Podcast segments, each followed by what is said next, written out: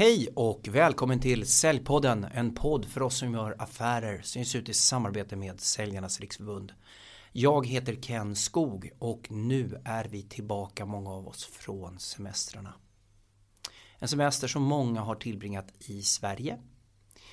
Idag sitter jag här med Patrik Nordqvist som driver försäljningschefen som hjälper företag att öka sin försäljning.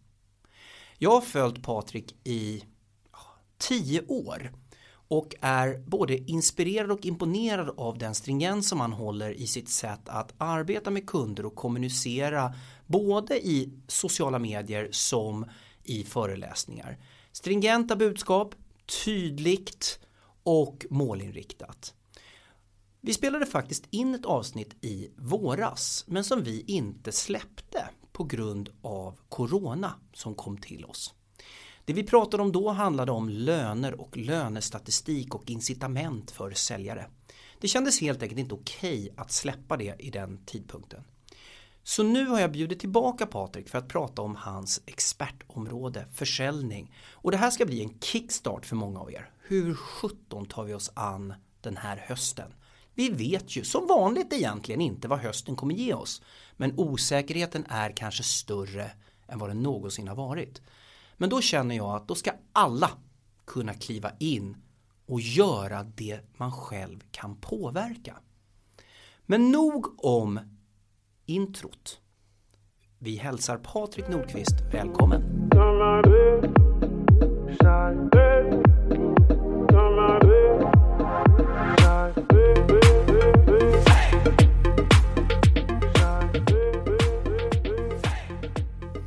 Tack så mycket. Kul att vara här igen, som du sa. Mm. Mm, jätteroligt Patrik att faktiskt få prata försäljning med dig. Sist så handlade det om lönestatistik för att du har gjort en stor undersökning i den frågan. Och det är möjligt att vi får en chans att släppa det avsnittet vid något tillfälle men det känns inte rätt just nu. Så låt oss prata om försäljning istället. Absolut. Försäljnings, försäljningslöner och sånt kan man ju ladda ner från både försäljningschefens hemsida och säljarnas hemsida. Så ja, det finns ju statistik att tillgå för de som vill titta på det trots, trots krisigt år. Ja, jättebra. Men du Patrik, alla känner inte till dig. Kan du inte göra en kort presentation av dig själv? Absolut. Eh, du sa att du hade följt mig tio år. Det är precis då jag startade bloggen Försäljningschefen. Den startade faktiskt jag för att jag eh, ville få lite bättre koll på digitalt. Jag var försäljningschef och marknadschef och insåg att jag inte hade någon koll på det digitala. Så när jag var pappaledig så startade jag upp en blogg. Mer som ett hobbyprojekt trodde jag, men den blev så stor. Så när jag slutade som vd för fyra år sedan ungefär så har jag börjat driva det som ett bolag. Och jag är väl ute och hjälper precis bolag som du sa, bolag och individer och öka sin försäljning och tillväxt. Och det handlar ju om att nya insikter, det kanske vi kan dela med oss av några idag. Eller bidra till att skapa rättare sagt. Ehm, det handlar om att hjälpa till att skapa nya vanor. Eh, så att man lyckas bättre med sin försäljning och bygga flöden så att man får en mer förutsägbar och uthållig tillväxt. Eh, lite förenklat och förkortat. Vi mm. kommer nog att djupdyka i de frågorna alldeles strax. Ja, vi ska försöka djupdyka i ett par ämnen. För det är ju så att när man lyssnar på den här typen av podd eller tittar på någon LinkedIn live eller läser en blogg så handlar det om att översätta den kunskap och information som man får till sin egen verksamhet. Eh, och det är det vi gärna vill uppmuntra till här. Att ta de här tipsen, tankarna och inspirationen. Eh, tyck inte bara att det här var lite härligt utan försök att göra någonting med det. Det gör oss lyckliga. Och jag tänkte vi skulle dyka ner i, jag lyssnade på ett webbinarie som du höll med David från Certus Growth. Yes, stämmer. Och då tänkte jag gå till attack, höll jag på att säga. Aha, nej, men du, attack du. ja, nej men du myntade ett, du sa någonting i det där avsnittet som vi också har pratat om innan den här föreläsningen. Så att, förlåt, innan den här poddinspelningen. Eh, som jag tänkte vi skulle prata om. Du sa så här, i kristider så blir det ännu viktigare att följa upp beteende och aktiviteter. Mm. Det sa jag. Eh, det, där, den, det webbinariet hölls ungefär en och en halv, två veckor efter corona hade slagit till och alla hade gått hem. Och då hade jag insett att väldigt många hade tappat det man faktiskt var bra på tidigare. Till och med många av mina kunder som jag tycker är fantastiskt duktiga på att jobba med de här sakerna hade börjat släppa på grejer. Mm. Eh, och jag sa till dig, till och med jag själv var lite sådär vet inte hur mycket affärer jag tappade precis i corona. Utbildningar ställdes in och allting sådär. Så att det, blev lite, det blev lite uppgivet där ett tag. Mm. Till och med jag själv insåg att jag började slarva med. Jag är annars manisk med att följa upp offerter och sådana saker. Ehm, så, så därför, ja, jag tyckte att det var en naturlig påminnelse att tjata om basic. Mm. Det vill säga följa upp och eh, fokusera på aktiviteter. Mm. Mm. Nej, men det, det jag fastnade för lite grann, för jag förstod ju bakgrunden till det här citatet. Eh, det jag fastnade lite för är att jag, jag sitter ju i styrelser och som rådgivare till ett antal bolag och just i så kallade kristider då blir man väldigt, väldigt intresserad av att följa upp aktiviteter och beteenden och pipeline och så vidare. Varför tappar vi det här när det går bra? Varför blir det här viktigt i kristider? Borde det inte vara viktigt jämt? Jag tror du och jag är överens om att det är viktigt jämt. Jag, jag håller med dig. Jag, jag, ser samma beteende både från styrelsesidan, när ledningsgrupper och säljare. Eh, så fort det går bra så börjar man släppa på saker. Eh, och låter det springa iväg och så blir det någonstans någon ursäkt att jag har inte tid. Mm. Eh, och det är då det börjar gå dåligt i min värld om vi bortser från liksom sån här utbrott av, som inte kan påverka och annat. Men jag hävdar att du oftast tappar för att du tappar just den kontrollen. Så jag, nej, jag kan inte riktigt svara på varför det är så. Det finns ju en motvilja mot att följa upp aktiviteter. Och det finns också en motvilja ibland upplever jag eller en oförmåga säger jag, nu är jag lite elak mot rätt många, men det finns ibland en oförmåga att omsätta ett siffermål eller en budget i kronor till vilka aktiviteter jag behöver göra. Det är förvånansvärt ofta när jag frågar säljare vad de ska åstadkomma så säger de en, en siffra på deras budget och sen ställer jag frågan hur ska du göra det då? Mm. Och då blir det väldigt flummigt. Då, vad beror det här på? Någonstans tror jag det blir en brist på att vi, vi är lite rädda i USA, lite amerikaniserat följer man upp lite för mycket kan jag tycka. Där följer man upp varenda liten mikrometer. Och då ska vi någonstans strävan att inte vara amerikaniserade, inte följa upp. Vilket jag kan tycka är helt galet. Det är klart att man behöver följa upp. Däremot behöver man inte följa upp varenda liten, varenda liten punkt. Nej. Eh, så jag tror det kan finnas ett visst sånt motstånd. Mm. Sen är det lite med det här platta svenska. Eh, vi är väldigt ohierarkiska. Alla ska klara sig själva. Eh, nu är jag återigen lite elak. Det är ingen som klarar sig själv. Jag följer upp mig själv. Jag, jag, eh, sen jag startade eget har jag en liten egen uppföljning på måndagarna och bara kolla läget hur jag ligger till. Eh, så jag får det svart på vitt. För det är inte alltid magkänslan stämmer med hur verkligen siffrorna ser ut. Klarar du att följa upp dig själv eller har du någon coach eller rådgivare också på sidan om? Ah, jag har ju mitt CRM-system så att jag, jag klarar nog att följa upp mig själv. Men nej, jag, jag tar nog mer hjälp med andra saker än uppföljningen. Uppföljningen klarar jag. Jag, jag tar hjälp med att utmanas och få en liten spark i baken. Jag kan bli lite bekväm ibland men uppföljningen brukar jag sköta själv. Nu är du egenföretagare så ja. det, det, är ju väldigt mycket som står på spel om du inte klarar av att följa upp dig själv. Så att där finns det ju en väldigt kraftig drivkraft att faktiskt vara duktig på det här. Ja, men jag hävdar att jag tror inte alla, jag tror det mer handlar om vad man är van vid. Jag har den rutinen.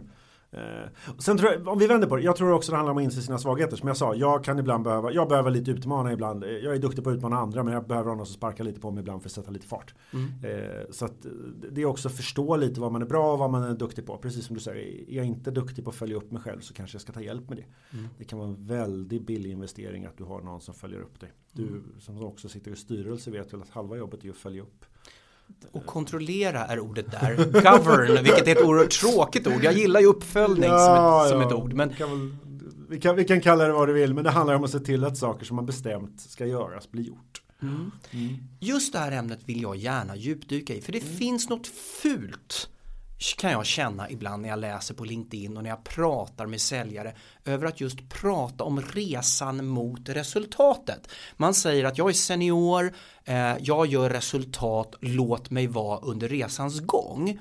Men sen om det går dåligt, då tar jag för givet att varje person vill förklara varför det har gått dåligt. Mm. Och då undrar jag, det borde väl vara en naturlig del av ett klimat att prata om den här resan. Vad har hänt på respektive kund? Kan jag få ett stöd? Varför upplever jag, spekulera, att det har blivit lite fult att prata om aktivitetsmål och vilka beteenden och, och detaljerna? Mm. Jag vet inte varför det blir fult. En sak är väl att det är lite bekvämt att inte följa upp såklart. Om jag ger dig ett mål och så träffas vi om ett år så ser vi hur det har gått så behöver inte jag hålla på och peta med dig. Eh, ska jag träffa dig varje måndag däremot och fråga dig hur det går så måste jag ju träffa dig. Det, det ställer lite krav på mig som chef och det ställer krav på dig. Mm. Eh, det minskar vår frihet. Eh, jag tror många känner sig lite begränsade av det. Mm. Så det, det tror jag kan vara en sak. Ehm, sen som du säger så är det någonstans att man upplever sig kanske att man inte mer... Jag, jag förstår, håller fullständigt med om det här med senioritet. Mm. Man skyller på det men jag tycker att det är bara tjafs. Människor som säger att de är seniora och inte följer upp. Då sätter jag direkt liksom i utvärdering, okej, okay, icke senior. Mm. Det är min första kommentar. Seniora personer följer upp sig själva, de har stenkoll. Mm. Eh, annars fall är du inte senior. Eh, nu är jag spetsig och elak igen så någon blir ledsen. Men, mm. men krasst är det så. Eh, Ja, jag kan inte komma på fler anledningar. Sen, sen kan jag tänka mig just kultur, svenskt, eh, det här. Det platta. Det platta. Mm. Det, det platta om vi jämför med amerikansk. Jobba, har man jobbat i ett amerikanskt bolag så vet man hur det är där och då är alla svenska bolag väldigt slappa. Mm. Och här har vi lite polariserat. Antingen är det svenskt eller så är det amerikanskt om jag nu skulle liksom vara väldigt generell. Eh, min utmaning är ju att vi vet ju alla inom försäljning att vi generellt sett inte sätter alla opportunities som, som ligger framför oss. Och om vi då bara pratar om liksom resultatet då har, vi ju, då har vi ju ingenting att prata om. Du kan ju uppnå delsegrar menar jag i ett försäljningsprocess. Ah, ja. Och de här delsegrarna de älskar jag att prata om. Och det här tror jag är farligt om vi inte lyfter upp att det är okej. Okay. Man får inte vara rädd för att bli inom citationstecken kontrollerad eller upplevas att man kontrollerar. För det är ju inte det det handlar om. Det är ju ett samarbete för att nå ett resultat. Och det är också för att hitta möjligheter. Vi tar ett konkret exempel. När, eh, efter ett, ungefär ett halvår så tog jag och följde upp vad jag hade för hitrate på offerter. Uh, i, i, mitt eget bolag. Då. då såg jag att ungefär hälften av offerterna gick in med 70% av värdet. Mm ganska snabbt drar jag då slutsatsen att okej, okay, jag skriver antingen för många småofferter eh, som, inte, som inte jag lägger tillräckligt mycket tid på. Eller så ska jag inte skriva de småofferterna för det är sånt som ändå inte blir något. Mm. Eh, men det var ju också en sån där, det var en ren effektiviseringsgrej i slutändan. Att jag tog och kvalificerade mina mindre offerter lite bättre. Det gjorde ju att jag skrev några färre offerter faktiskt. För det var en del människor som inte borde ha någon offert. Eh, de ville ändå inte köpa någonting, i alla fall inte till den prisnivå jag hade och till det erbjudandet jag hade. Då kan jag skippa offerten och de andra ökade jag hitraten på för jag la lite mer tid på dem. Så det är också ett sätt, bara genom att följa upp hur många offerter jag vinner och förlorar och värde mm. så kan jag få underlag inte tyckande och tänkande utan riktigt underlag att ta beslut för att göra en förändring. Och det där är ju all uppföljning. Jag har en inlägg till. Jag tror inte bara det är amerikanskt eller svenskt. Jag tror också det är bransch. Jag är uppväxt i telemarketingbranschen. Jag började jobba som TM-säljare och sålde försäkringar när jag var 19. Eh, där mätte vi ju allt. Mm. Vi mätte verkligen allt, mm. allt, allt. Men det var ju så enkelt att se vad det var som inte funkade. Vi behövde aldrig sitta och dividera om är det det eller det eller det. Utan vi tittade på nyckeltalen. Det är där och där det inte funkar. Mm. Det är de två grejerna du behövde jobba med hårt på ett sätt. För det var inte så mycket att snacka om. Det var inte så mycket så här, jag känner, tycker. Utan det, var, det här är fakta. Mm. Samtidigt som det var väldigt enkelt kan jag känna. Det, blev så lätt att diskutera att om du bara jobbar med de här två sakerna. Här har du konkreta tips hur du gör det. Så kommer du att bli bättre. Och det är bra att du adderar det för att olika affärslogiker kräver ju att du följer upp olika saker. Ja, absolut, absolut. Men det, uppföljningen handlar om att se vad och just identifiera för att bli bättre för att lyckas bättre. Det handlar ju, I min värld handlar det inte om att leta felen utan det handlar faktiskt om att leta möjligheter och leta vad som går att såklart ändra och förbättra. Mm. För att du ska lyckas. Det är mm. det som är syftet. Du pratar ju väldigt mycket här om självledarskap och den här formen av kopior eller uppföljningspunkter eller stöddialogsutgångspunkter eller vilket ord du vill använda för att faktiskt hjälpa till att föra processen framåt. Mm. Men det är ju faktiskt så att en del företag har inte de här. Hur gör jag som säljare då? för att faktiskt leda mig själv? Har du några konkreta tips på hur jag mm. sätter upp de här punkterna? Det finns det några angreppssätt. Vi kan, vi kan ta det första. Börja med att titta vad du gjorde föregående år. Om, om du har jobbat ett år, börja, det, det här är ju en enkel klassiker, alla vet det. Och nu sitter en del, nu tar jag också en sån där vanlig, nu sitter en del och tänker det där vet jag redan. Ja men gör ni det frågar jag nu också då. Eh, vad gjorde du förra året? Sålde du för en miljon förra året och i år ska sälja för 1,5. Ja, då kan du titta på att då behöver du öka dina aktiviteter med 50% eller öka offert hitraten eller vad det nu är. Men du kan ju titta lite på vad du gjorde förra året och då behöver du öka någonting så att du kommer upp till den här 50% ökningen. Du har flera variabler, du kan göra fler kundbesök, du kan skriva fler offerter, du kan högre hitrate, större snittvärde på offerten eller vad det nu är du jobbar med. Men där är ett sätt att börja titta på det. Mm. Omvänt bara gör en enkel nedbrytning av den där miljonen nu då. Vi tar den för den är enkel och så. Vad är snittkunden värd? Ja, 100 000 säger vi. Bra, då behövde du få in 10 kunder förra året. Då behöver du få in 15 kunder i år. Mm. Vad behöver du göra mer för att få in dem då? Mm. Eh, så att man liksom börjar titta där. Det, det, skulle jag ta som ett enkelt sätt att, att antingen jämföra föregående år eller bryta ner utifrån hur många, vad är en snittkund värd, hur många aktiviteter krävs det. Mm. Och jag är inte ute efter så här, I drömvärlden följer man upp alla och har 1,2 möten per bla bla bla. Det viktiga är att man har ett hum, att man mm. inte går på känsla utan man styr lite mer på siffror och fakta. Mm. Jag vet inte om du känner igen det men jag har haft veckor då man känt att det här var en riktigt bra vecka. Och så tittar jag på siffrorna, det var inte en skitvecka. Mm. Det är bara att något annat har hänt så det känns som en bra mm. vecka. Mm. Och andra veckor har man fått en käftsmäll av någon anledning och tycker att det var en dålig vecka. Och så när man tittar på siffrorna, men vadå, jag har satt de här offerter, jag har fått in det där, jag har gjort det här. Mm. Eh, en ganska bra vecka. Så jag tror det är ibland magkänslan lurar oss. Mm. Nej men jag måste väl säga att det där hände ju mig. Jag skulle titta lite grann på det här med permittering och jag kunde permittera mig själv och kände att det var ju ett tag sedan jag satte någon affär kändes som. Och sen upptäckte jag att nej men jag har inte en chans att jag får permittera mig själv här. Det har ju gått bättre än vad det gjort någonsin. Men det handlar lite om känsla, vilken typ av affär man har dragit in och så vidare. Och det är viktigt att göra den här kollen ibland. Jag tycker det är väldigt, väldigt bra att du lyfter det här för jag tror att vi är alldeles för rädda för att prata om detaljerna. Mm. Och förstå att detaljerna pratar vi om för att få ihop helheten det är helt ointressant att prata detaljer utan att det blir en helhet. Det, det vill jag också, de hänger ihop i min värld. Mm. Det är därför det blir så konstigt att man, eh, för vissa människor vill ju bara prata detaljer och leta saker där, men vad är det mm. de leder till då? Mm. Eh, det här att mäta siffror på samma sätt ett sak att ta bort grejer i min värld. Mm. Om, vi ska vända på det, nu, nu jobbar vi med säljarna så här, liksom så här, eller försäljningschef. Vill du få bort onödiga arbetsmoment mm. som ledning, styrelse, chef lägger på dig. Fundera på vad som ger resultat. Kan du påvisa med siffror att det här ger inget resultat. Då ska man ju sluta med det. Eh, om det är en någorlunda sund organisation. Mm. Eh, så det, det, har jag tillämpat både som vd och försäljningschef att få dem över mig att inse att det här ska vi sluta med. Mm. Mm. Det här är otroligt bra. Jag det finns så många siffror som säger att runt 10% av säljarna i Sverige upplever att de får regelbunden kvalitativ coachning. Mm. Eh, och så har man någonstans också lagt lite ansvaret för det här på chefen.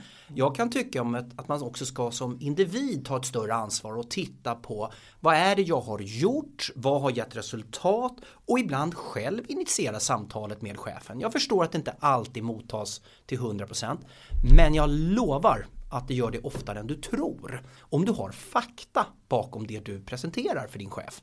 Ibland har du bara en dålig chef, då kommer det självklart bli problematiskt. Men ja, de flesta har nog bättre chefer än ni tror.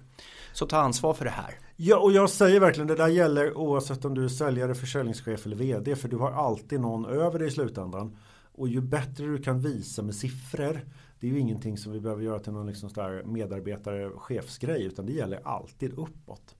Sen vänder jag på det. Jag tycker ju, nu ska vi inte prata ledarskap här, men det är ju samma sak där. Ledarskap är också massa aktiviteter. Mm. Vad är det som gör en bra chef? Jo, det är för att den personen gör ett antal saker. Mm. Eh, och omsätter det. Sen måste man göra det på ett bra sätt. Mm. Det är nästa grej. Mm. Men till, man måste också göra ett antal aktiviteter. Mm. För att, ja men som du säger, samtal. Mm. Det blir inga samtal bara för att. Vissa människor är gudabenådade och ser när någon behöver prata. Jag tillhör inte dem jag har tränat in vanor och beteenden som gör att jag har blivit en bra chef eller bra mm. ledare. Eh, för att lyckas med det. Så jag, jag hävdar att det kommer tillbaka även där att bryta ner i aktiviteter. Det är inte bara sälj utan det är de flesta roller. Och när vi gör medarbetarundersökningar och så vidare då tittar vi ofta på detaljerna eh, som leder fram till högt engagemang och så vidare. Så det är rimligt att prata om det även här. Ja. Eh, för att göra en lös summering mm. av någon form av första råd i självledarskap för att ta oss framåt och påverka det vi själva kan påverka så handlar det om att göra uppföljning till något fint. Det handlar om att faktiskt identifiera de här stegen eller nyckeltalen som ger framgång. Man kan titta på förra årets resultat eller man kan bryta ner budget i aktiviteter och sen testar man, omvärderar, testar, omvärderar. Är det en bra summering? Ja, det är en bra summering och den tycker jag absolut gäller nu under hösten. Vi vet inte hur det kommer att se ut. Eh, det är många osäkerhetsfaktorer och även om det kan ändra sig liksom från dag till dag. Men då får man jobba med ett antagande precis som du säger. Vad är det jag tror att jag vill åstadkomma? Eller vad vill jag åstadkomma i höst? Mm. Vad är det jag ser att jag behöver göra? Sen kanske man under hösten nu behöver vara betydligt mer snabb med att ändra Mm. aktiviteter och mål beroende på vad som händer. Mm. Eh, det, det, kan liksom lossna totalt eller bli mycket, mycket värre eller så bara fortsätter det vara det här i mitten pariteten. Mm. Men du, jag tror vi är överens där med just, det, mm. just att också kanske våga lite snabbare omvärdera utifrån uppföljningen. Ja, jättebra. Mm. En annan sak som ni tog upp i det här webbinariet och som du har skrivit om i flera bloggar handlar om att du sa det så himla bra. Jag gillade det här. Nu är det lite att vi sitter och håller med varandra men, men vi gör ju det så varför inte? Du sa citat Den här typen av kris eller svåra tider kräver att du gör mer av det som gått bra tidigare. Det jag gillade med det det var fokus på det som har gått bra tidigare. Det är väldigt lätt att ställa om och säga nu måste vi göra nytt mm. av allting. Mm. Nya affärsmodeller, vilket vi självklart mm. också mm. måste utvärdera. Mm. Men kan du utveckla liksom kärnan i vad menar du med det? Ja, det kan jag. För det första var det där sagt precis när krisen hade slagit till. Då man kanske inte ens hade hunnit kalibrera eller göra någonting nytt. Men om du vet vad det är som driver din framgång. Vi kommer tillbaka lite till det vi pratade om innan med alltså nyckeltal och mäta. Men, men också förstå vad som verkligen skapar värde för dig, dina kunder och liknande. Ju mer du gör av det, ju bättre kommer det gå. För även om det är svårt, om, om du har varit framgångsrik, vi säger att du har varit framgångsrik med att ha ett hög möte, du har mycket möten med kunder, träffa kunder mycket ja men då ska du fortsätta med det. Mm. Då ska du fortsätta träffa kunder för då är det en framgångsfaktor hos dig. Mm. Eh, har du varit duktig på att jobba med poddar och blogga och se till att få inflöde av kunder, ja, då ska du inte sluta med det bara för att det blir lite tuffare nu utan det ska du fortsätta med. Mm. Eh, så att du håller det vid liv. Däremot så måste, om man inte vet vad som är resultat, det är då det blir svårare att fortsätta med det. Eh, jag tror nämligen att många när det blir kris av någon anledning bara stannar upp. Mm. Jag gjorde det själv så jag är verkligen väldigt ödmjuk med att jag tror det är naturligt. Man, luften går lite ur, man tappar, man vet inte vad man ska göra. Det skapar förvirring i sig och ger ännu mer mm. oorganiserat. Därför tror jag det är jätteviktigt att gasa på med det som man faktiskt vet ger resultat. Eh, även om det blir lite tuffare och liknande. Så det, det, är både för att skapa fokus och hålla tempo. Eh, du får köra emot mig nu för du har varit med om lika många lågkonjunkturer som jag för du är lika, vi är ungefär lika gamla men jag, jag är helt fascinerad över det att det alltid blivit så i en lågkonjunktur så tappar man tempo mm. Eh, medan vissa väldigt snabbt när man ser på andra företag eller de som är duktiga gasar på igen mm. Eh, och mm. då, de klarar sig bättre.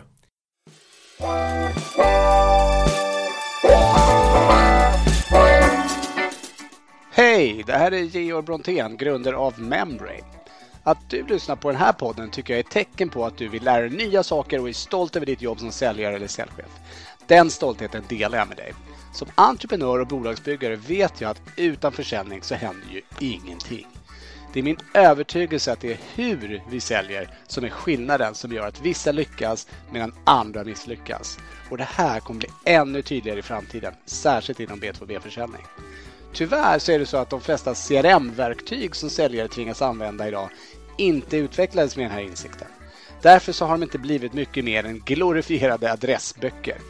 Och kanske var det här tillräckligt när ni valde det CRM-system som ni använder idag. Men det kommer inte vara tillräckligt i framtiden om ni vill bli bäst. Därför har vi på Membrane utvecklat ett system som går bortom att logga information och istället fokuserar på hur ni ska arbeta med försäljning för att vinna fler affärer och skapa konkurrensfördelar. För framgång inom professionell försäljning handlar om att utveckla människor och arbetssätt, inte bara databaser. Låter det här intressant? Maila oss då på kontakt.membrane.com eller besök www.membran.com för att lära er mer. Nej, men jag tror att min erfarenhet från kriser, de har inte varit lik den här. Eh, för det finns fler parametrar i den här krisen förstås. Men det är att man måste vara ärlig. Alla går inte upp som robotar klockan fem och tar ett bad i isvak och maniskt följer en life plan. Även om det ser ut så på LinkedIn så de flesta som jag träffar har inte en sån motor eller ett sånt liv. De flesta landar nog i Ja, någon form av vakuum. Sen handlar det om hur länge man låter det pågå. Om det är en timme, en dag, en vecka eller tre år. Eh, det är nog viktigt att det här vakuumet är så kort som möjligt. Eh, men att man landar i det under en period. Det är härligt att du lyfter det för det är många som kommer till mig och säger att jag har tappat motivationen, jag jobbar hemifrån, Eh, det är tufft just nu och, eh, eh, och då är ju ditt tydliga råd försök hitta tillbaka och gör mer av det som fungerat och skaffa dig en kontroll över vad som faktiskt fungerat. Ja, och eller om du inte nu kan göra exakt likadant, försök återskapa. Jag bara tar några, några egna exempel. Jag jobbade hemma en dag, sen insåg jag att det här kommer inte gå. Jag är van vid att jobba hemma på kvällen, då sitter jag i soffan framför tvn och slöjobbar lite, det tycker jag är alldeles utmärkt att jobba två timmar så. Däremot sitta en hel dag hemma. Och då var det så här, jaha, men då ska jag bygga upp ett kontor hemma om det ska funka för mig. Mm. Nu hade jag turen att jag bor nära mitt kontor och kan gå dit utan att behöva åka tunnelbana. Så jag tog på mig kostymen dag nummer två och gick till kontoret. Och har gjort det. Mm. Eh, för det behövde jag. Jag förstår att inte alla kan det, men då pratade jag med någon kompis. De, han hade ju skaffat lite hemmakontor. Mm. Han hade ju köpt bord, han hade ju fixat en skärm, han hade ju ordnat så han hade ett kontor. För det kände han, det behöver jag ha. Mm. Jag kan inte sitta bara vid ett vanlig bänk utan nu bygger jag upp så jag får ett hemmakontor. Mm. Och det där är också ett sätt att liksom skapa sig de förutsättningar man behöver för att lyckas om nu allting ändras. Mm. Eh, så jag tror det också handlar lite om självinsikt. Sen är det som arbetsgivare att eh, faktiskt hjälpa och även pusha eh, till att skapa rutiner. Mm. Det, det, är många av mina kunder vet jag som har börjat med wake up calls, liksom att man kör en frukost klockan åtta tillsammans. Mm. För att se till att alla kommer igång. Mm. Eh, eller till och med en sån här avslutning vid fem så att man också får snacka av sig lite och träffa varandra. Vi är ju sociala djur och har ett behov av att umgås på ett eller annat sätt. Mm. Mm. Nej, men det är jättebra. Struktur och rutiner. Mm. Eh, jätte, jätteviktigt. Jag minns när jag reste till Danmark, jag var där två dagar i veckan under ett år. Eh, det låter lite märkligt det här men, men just det där hur alla dagar såg likadana ut för mig. Eh, jag var tvungen att åka samma flyg. Jag åt nästan på samma restaurang varje gång. Jag var på kontoret samma tid. Jag bodde på samma hotell. Eh, och det här hade ju att göra med att jag behövde ha den här strukturen för att kunna vara effektiv. På samma sätt har jag jobbat hemma. Och det jag egentligen också är ute efter det är att det låter tråkigt det här men det är för att de faktorerna som stör i övrigt de vill jag ska vara på ganska lika sätt så att jag kan vara kreativ i övrigt i mitt liv.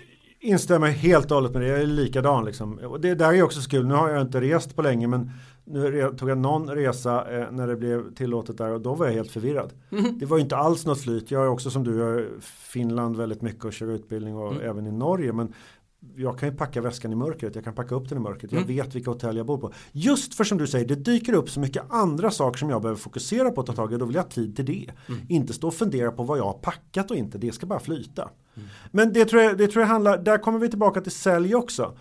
Ju mer du hjälper din säljkår, ju mer du hjälper dig själv, ju mer du hjälper hela ditt företag att få saker att flyta, ju mer produktiva blir människor. Mm. Jag, jag har jobbat en del med industrin. Jag tycker mig kunna se det att går man in på ett industrilokal till exempel och det är rörigt. Mm. Man förstår direkt att de inte är effektiva. Man förstår mm. direkt att de inte är tillräckligt lönsamma. Andra är organiserade, det är tydligt, det är märkt på golvet vad truckarna kör, du går inte där, det är full fart, det är tempo för att man har skapat grundstrukturen. Mm. För det dyker alltid upp problem och de måste du hantera. Mm. Eh, så då måste det andra flyta. Så den tror jag starkt på att skapa rutiner. Mm. Jag brukar ta det med frukost. Vem har inte en rutin på morgonen liksom? Mm. Och hur många blir inte störda när de försover sig? Eh, så att eh, jag tror den hänger ihop där. Känns vi rätt lika. Mm. Jag älskar ditt sätt att uttrycka det här. när jag jobbade på Wise Group så var det många som sa och han går snabbt, han tittar ner i backen och min fru konstaterade eh, som ett bidrag till det, går man snabbt och tittar ner i backen så är det ingen som ser att man är ful. Eh, skämt åsido. Nej men det var... Taskig fru. ja, nej, men det, det jag menar med det här är att bakom det här snabba tempot så döljer sig en kontroll av det som är grunden. Alltså att jag har koll på aktiviteter och så vidare. Sen fallerar jag jätteofta. Men utan en grundstruktur Och ett mindset om vad jag ska åstadkomma varje dag, varje månad så skulle det här inte vara görbart överhuvudtaget. Då skulle jag springa snabbt med något oerhört fel håll. Ja, ja, och jag, jag, alltså, men jag vet inte vad, jo, det, jag kommer inte ihåg vad han heter nu. Det finns en engelsk professor som forskat kring problem. Eh, vi får ta reda på det sen, men, men han, just det, förmågan att hantera problem är, avgör hur långt du kommer i näringslivet enligt mm. honom. Mm. Eh, du ska tycka problem är liksom en del av jobbet och du ska ha en förmåga. Och ju mer struktur du bygger upp ju snabbare kan du röra det. det är liksom, ta liknelsen, ska du köra genom en skog där det inte finns någon någon terräng att köra i, då får du köra bilen extremt långsamt för att den inte ska gå sönder. Kör du på motorväg kan du köra på fort. Mm. Eh, sen dyker det fortfarande upp problem på motorvägen. Eh, det har hänt en olycka, det händer andra saker som du måste hantera. Men du kan hålla ett högre tempo under väldigt lång tid. Så jag håller helt med dig där. Eh, och jag tror att många skulle tjäna på att skapa fler strukturer om inte deras arbetsgivare hjälper dem med det. Eh, jag tycker att arbetsgivare ska hjälpa, när vi pratar stora grupper så behöver man skapa strukturer tillsammans och det behöver man göra från ledning och chef. Sen kan man involvera medarbetarna såklart, men, men man behöver göra det utifrån företaget. Mm. Men jag tror att många skulle tjäna på att skapa större strukturer själva i fler saker. Bra, för att summera diskussion nummer två i den här podden. Ta ett eget ansvar för att sätta din struktur. Vi har pratat om uppföljning, vi har pratat om att tänka igenom affären, både från ett ledarskapsperspektiv men också som individ. Och nu ta ansvar för strukturen och rutiner och se till att det här fungerar. Och klarar du inte det själv, vilket är fullt mänskligt, det är oerhört många som inte klarar det eller tappar i det som Patrik erkänner att han gjorde och som jag kan erkänna att jag gjort. Då kan det vara bra att ha någon som coachar dig, eh, kanske din chef, det vore ju fantastiskt om det var så. Eh, och om det inte är så, hitta någon annan som gör att du faktiskt kan få stöd i att hålla en struktur och en rutin som gör dig framgångsrik. Jag lägger till en sak. Struktur är för mig inget positivt eller negativt ord, det är en beskrivning. Gör, skapa strukturer som du trivs med. Det, det, handlar liksom också om att se till att det blir roligt och enkelt för dig, inte att det blir någonting som du gör för att göra. Strukturer ska underlätta, inte skapa mer jobb, utan de ska underlätta det du redan gör. Mm. Då blir det också roligare och enklare att göra dem. Mm. Vi ska prata om ett tredje ämne och lite av den här diskussionen du och jag har. Det här nu kommer folk vända sig, höll jag på att säga, och säga vad är det gubben sitter och säger? Vad ska du säga nu? Det är ju så här att vi måste ligga i framkant. Vi ska trendspana och vi ska hela tiden utvecklas. Men det finns en historik inom sälj och hur man driver framgångsrika säljorganisationer som vi inte bara ska kasta över axeln och tro att det här inte är viktigt längre. Och jag har börjat titta tillbaks på framgångsfaktorer som jag var med att införa och fick ta del av från ja, 2000-talet, 2000 till 2010. Där jag ser att Nej men herregud, mycket av det som händer nu i vår omvärld gör att vi går tillbaks till de här framgångsfaktorerna. Det handlar om mätning och aktivitetsuppföljning, diskussioner i kontorslandskapet, sådana saker som har varit jätteviktiga för många organisationer jag jobbat inom för att skapa framgång. Och nu ska vi komma till ett ämne som då polariserar Sverige. Patrik, kan du svara på frågan digitala möten eller analoga möten? Vad är bäst? Jag kommer att säga bägge två. Tack. Utveckla. Nej men så här. Jag har alltid haft en massa digitala möten och jag har alltid haft en massa analoga möten. Jag tyckte inte det var jättesvårt att ställa om. Men det finns utmaningar och fördelar med dem vid olika tillfällen. Så det gäller att välja det mötet som passar bäst. Mm. Nu har vi under en tid inte kunnat välja. Vilket såklart har lett till frustration. Men i vanliga fall kan man ju välja. Ehm, så, så jag har alltid försökt välja eh, där är jag så gammal så jag tycker fortfarande det är okej att ringa telefonsamtal. Jag har förstått att det är även folk som är i 30-årsåldern inte ringer längre. Jag är helt chockad. Telefon är ju supereffektivt. Ehm, så, så att ja, använd rätt möte vid rätt tillfälle. Sen nu har vi haft en situation där man inte fått kanske välja i, i alla lägen. Eller inte i alla fall företaget tillåtit det. Så då, då har man varit lite bakbunden. Mm. Telefon, inom vilken kategori faller det under förresten? Digitalt eller analogt? Jag vet inte. Jag skulle säga digitalt det, det känns så. Folk, eh, jag, vet inte om det finns någon definition men jag skulle sätta det under digitalt faktiskt. Jag med. Ja, mm. Men det är så kul, många, många kopplar upp på Teams-möten men slår inte på kameran så då är det sådär Ja, varför kan vi inte bara prata i telefon istället då? För det är ju samma sak, om jag ändå inte ska se det så blir det enklare att prata i telefon för då kan jag röra mig under tiden på ett annat sätt. Ja, och sen ja. Eh, det är väl det med Teams-möten att då kan du plocka ur diskmaskinen och eh, plocka tvätten samtidigt utan att lyssna på samtalet överhuvudtaget. Så kan det ju vara, precis. Det är därför då kan telefon vara bättre att ta ett kortare samtal. Ja. Exakt. Mm. Nej men jag tycker att det är lite intressant just det här hur, hur vi landar i antingen eller situationen. När jag väldigt mycket tror att det är viktigt att gå igenom vår försäljningsprocess, vårt sätt att arbeta och titta när passar respektive format. Och när jag tittar tillbaka till 2005 så hade jag pratade med huvudägaren till det bolaget jag var på då och så sa jag vi hade ju faktiskt en regel när vi ringde Prospects. Det var att vi skulle inte träffas om det inte fanns ett behov inom sex månader. Då skulle vi föra den här dialogen och pitchandet och, och värdeskapandet på telefon. Av respekt för kundens tid och vår egen tid. Mm. Eh, sen kom det en period när vi ska nätverka och då ska vi träffa allt och alla utan syfte utan mål. Jag raljerar förstås. Mm, ja, men ja, jag tycker du är rätt överensstämmande med många sanning. Mm. Hur ser du på det här? Alltså, ser du en förändring i hur företag resonerar nu? Om vi undantar det vi är tvingade till. Mm. Hur lägger man upp planen för framtiden i de bolag du är ute och rådger? Jag skulle säga att det, jag håller med dig, det går lite trender i det här. Ibland ska man träffas, ibland ska man inte träffas. Ehm, det, det, det, är för mycket trender och det är för mycket man låter också alldeles för ofta människor bestämma själva vad de tycker är bra. Eh, jag tycker precis som du att man ska fundera lite mer på tidsaspekten. Eh, vi kan lägga in miljöaspekten om vi vill också men om vi tittar på det rent företagsekonomiskt bara håller oss till företaget. Liksom resa för att träffas. Bara i Stockholm kan det ta tre timmar och få ett en timmas möte liksom, mm. om du ska åka fram och tillbaka. Mm. Eh, är det bättre med en halvtimmes möte på Teams även när vi får träffas? Mm. för att sen kanske träffas två timmar när du väl har ett upplägg som du vill prata om och jobba med. Så att jag, jag, tror, jag är för att du vågar välja betydligt mer och är restriktivare med möten utifrån vad du får ut av dem. Jag tycker du ska vårda varandras tid med att också bestämma eh, ska vi verkligen lägga tid på att ses då ska det också finnas en nytta med det. Jag är en sån här som allergisk mot de här förutsättningslösa fikerna som folk föreslår. Mm. Eh, då tar jag hellre ett snack fem minuter på telefon så kan vi se om det finns något intressant att prata om och då kanske vi kan fika. Mm. Då vill jag lyfta ett erbjudande från mig som kom spontant här nu och en påminnelse till alla er som av olika skäl söker en ny utmaning, en ny karriär.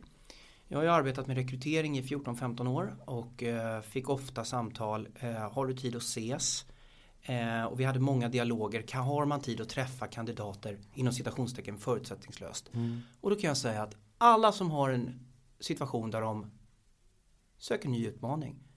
Ring mig så kan vi bolla den utmaningen. Två minuter eller fem minuter på telefon.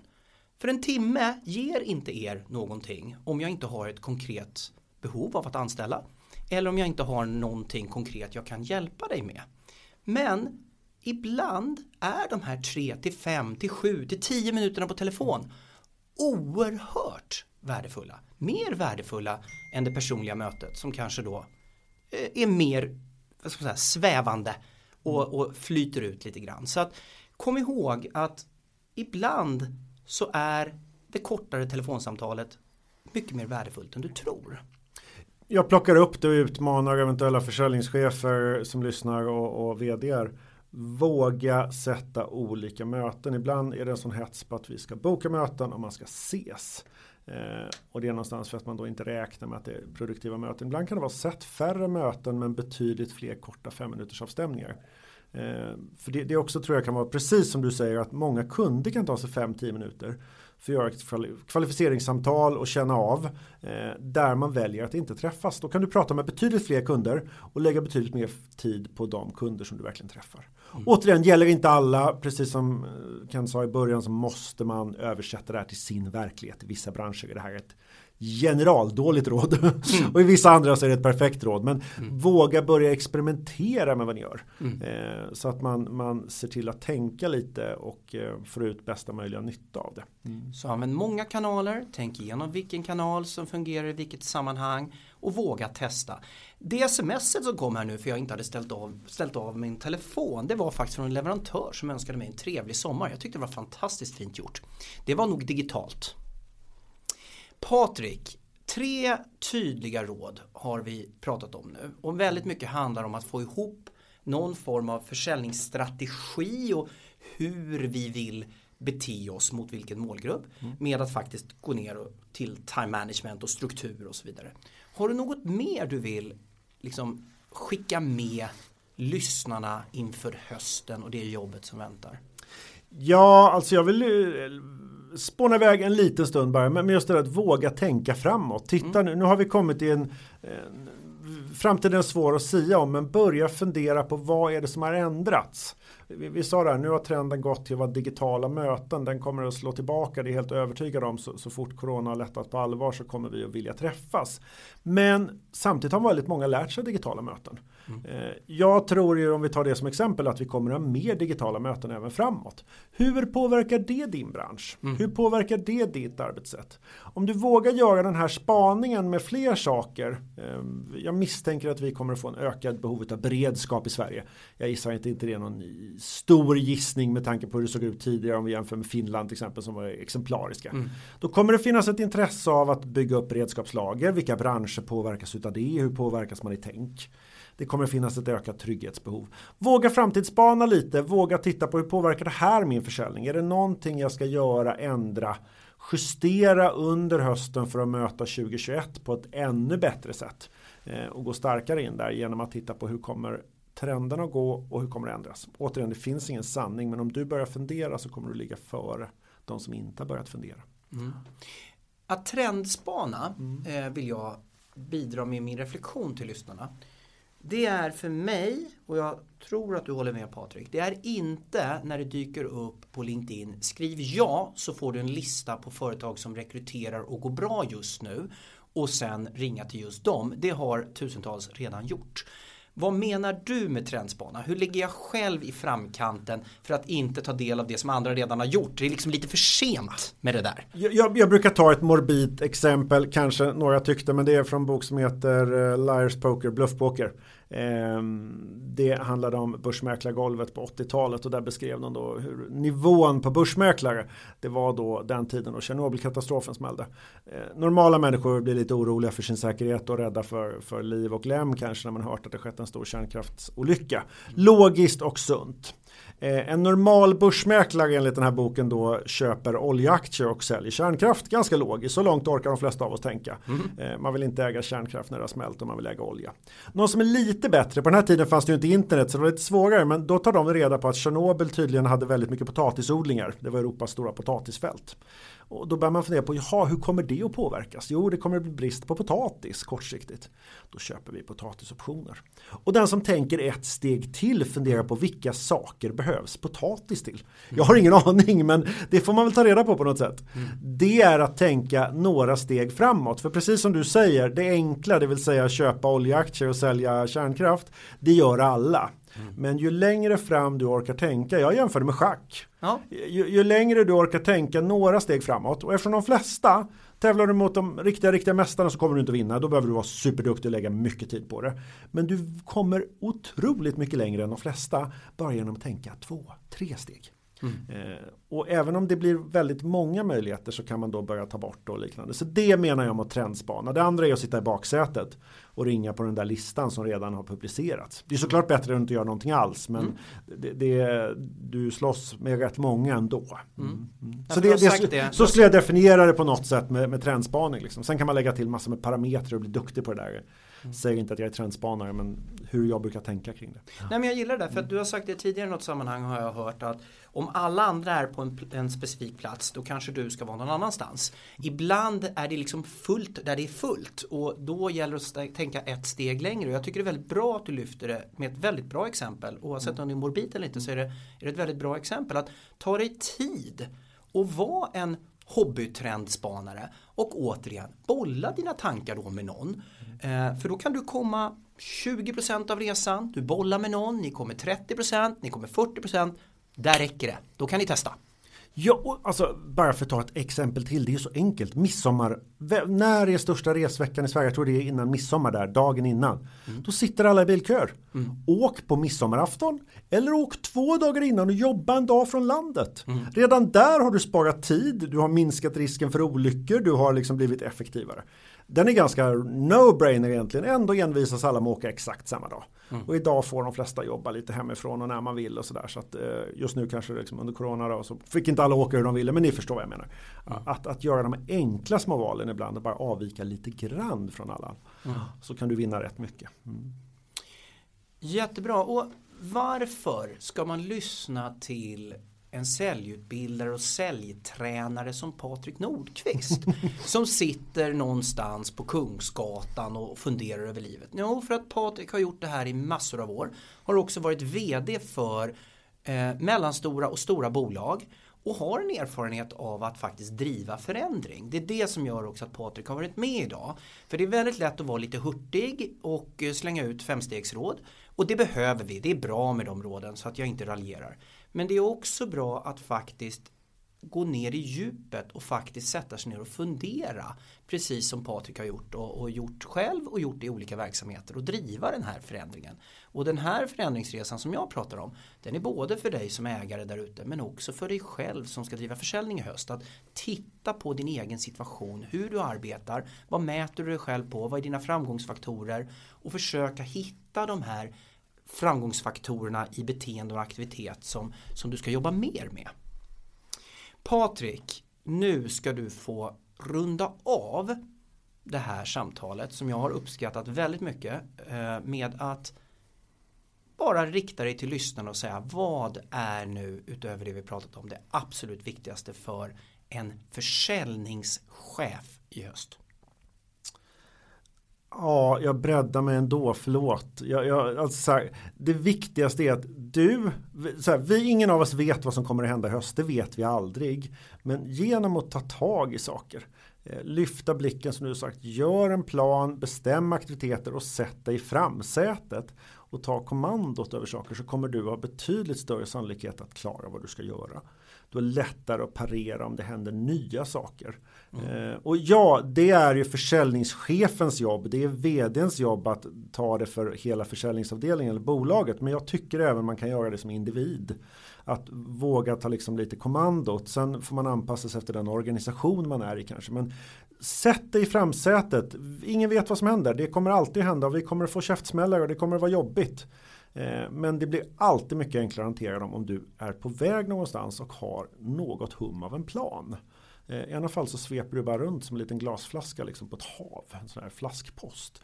Men har du ett mål, riktning så kommer det att vara betydligt enklare. Så det, jag vet att det låter lite floskeligt men samtidigt är det liksom Det är så basic, det är så mm. enkelt. Så mm. det, det svåra är, gör det. Mm. Börja göra det.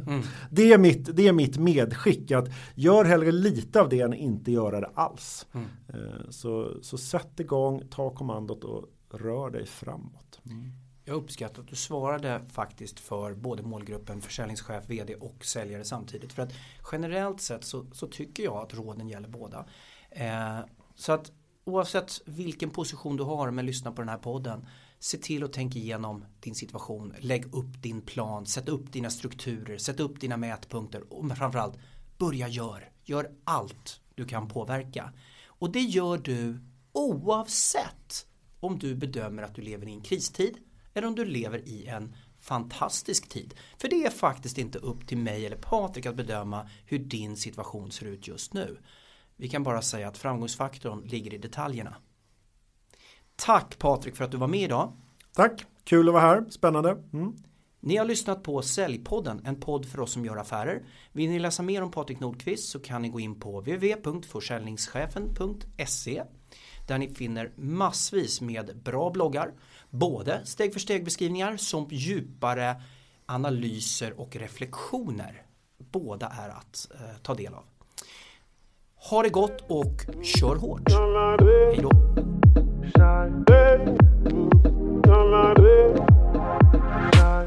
Hej.